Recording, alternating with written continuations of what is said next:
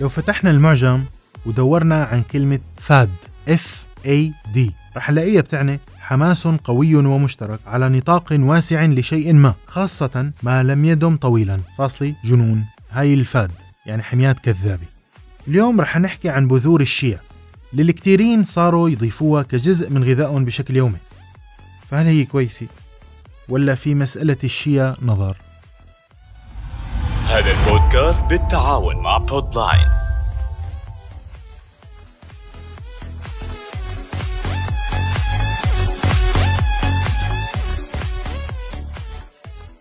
لو لاحظنا البذور والحبوب اللي بنستخدمها بالأكل بنلاقي إنه أغلبها بتمتص الماء وبتنبج بكمية بسيطة. وبتكون هالبذور غالبا غنية بالنشويات والألياف والبروتينات. ولكن مؤخرا بلش ينتشر بالوطن العربي بذور بتقدر تمتص الماء بشكل أكبر وبتقدر كمان لما مننقعها بالماء إنها تعمل حزام من الجل حواليها. مثال على هالبذور هي بذور الريحان وبذور الشيا أو الشيا سيدز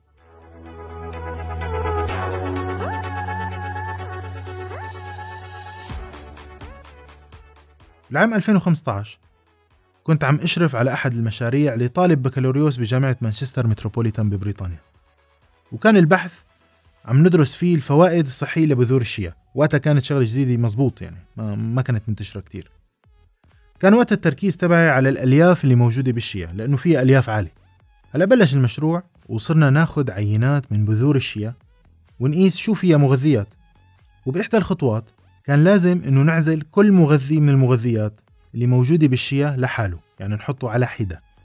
يعني مثلا نعزل الكربوهيدرات بعدين بنعزل البروتينات بعدين نعزل الدهون وآخر شيء بيبقى معنا الألياف فمنروح ومنقيسها الغريب كان إنه لما بدنا نستخلص الدهون من الشيا كان لازم نستخدم مادة بتذوب الدهون وكان خياري إنه نستخدم الكحول الإيثانول. وكان لازم نترك البذور طول الليل مع المحلول الكحولي. تاني يوم جيت على الجامعة عادي وفتحت المخبر وبتفاجأ بأكثر من ثلث المحلول صار لونه أبيض. مع أنه يا طويل العمر بذور الشيا لونها أسود. أخذت هالمادة للتحليل والعزل وإذ تطلع هي الدهون. تحولت لدهون لونها أبيض. بهداك الوقت ما كان في كتير أبحاث عن تركيب المكونات تبعت الشيا. نحكي لك 2015 ما مثل هلأ يعني. تكتب بذور الشيا على جوجل بيعطيك المغذيات تبعته كلياتها هيك مرتبة ومصفوفة مثل ما بدك. بس عم نحكي نحن عام 2015 ما كان في هالشيء منتشر كثير أو أنا ممكن ما وصلت له بهداك الوقت. يعني ممكن حدا يدور و... ويلاقي إنه موجودة من قبل. بس أنا ما لقيتها بهداك الوقت. المهم يا جماعة طلع إنه الشيا فيها 31% دهون. تخيل 31% زيت. ولو قارنا الشيا بالزيتون اللي المرة الماضية قارناه مع الأفوكادو من ناحية محتوى الدهون بنلاقي إنه الزيت اللي بيطلع من الزيتون نسبته أقل من 14 يعني حوالي 13 تقريبا. بينما من الشيا نسبة الزيت الموجودة 31% نسبة عالية جدا. تخيل.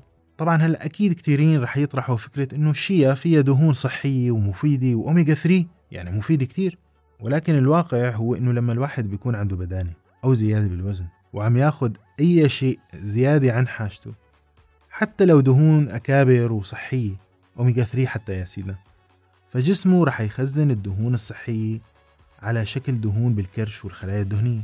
ولما بتنملى الخلايا الدهنية أو الخزانات راجع خزانات الطفولة حلقتنا الماضية رح تتكبكب أو تطفطح بالدهون.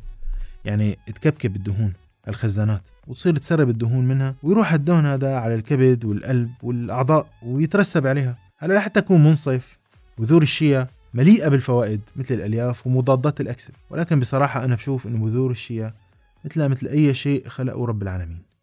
كله مخلوق بقدر. وكله فيه فائدة. وما بعرف فائدة أنه أطلع أنا مثلا أحكي لكم عن فوائد الخيار أو البندورة كمضاد أكسدة. هيك كما بناكله نحن بالسلطة مثلا. كله خلقة رب العالمين وكله فيه فائدة. إذا عجبتك الحلقة ما تنسى تشاركها مع أهلك ورفقاتك وأحبابك. هاي كانت حلقة اليوم من بودكاست تغذية بالعربي. كان معكم الدكتور عبد المنان فاضل ونلقاكم قريبا بعون الله.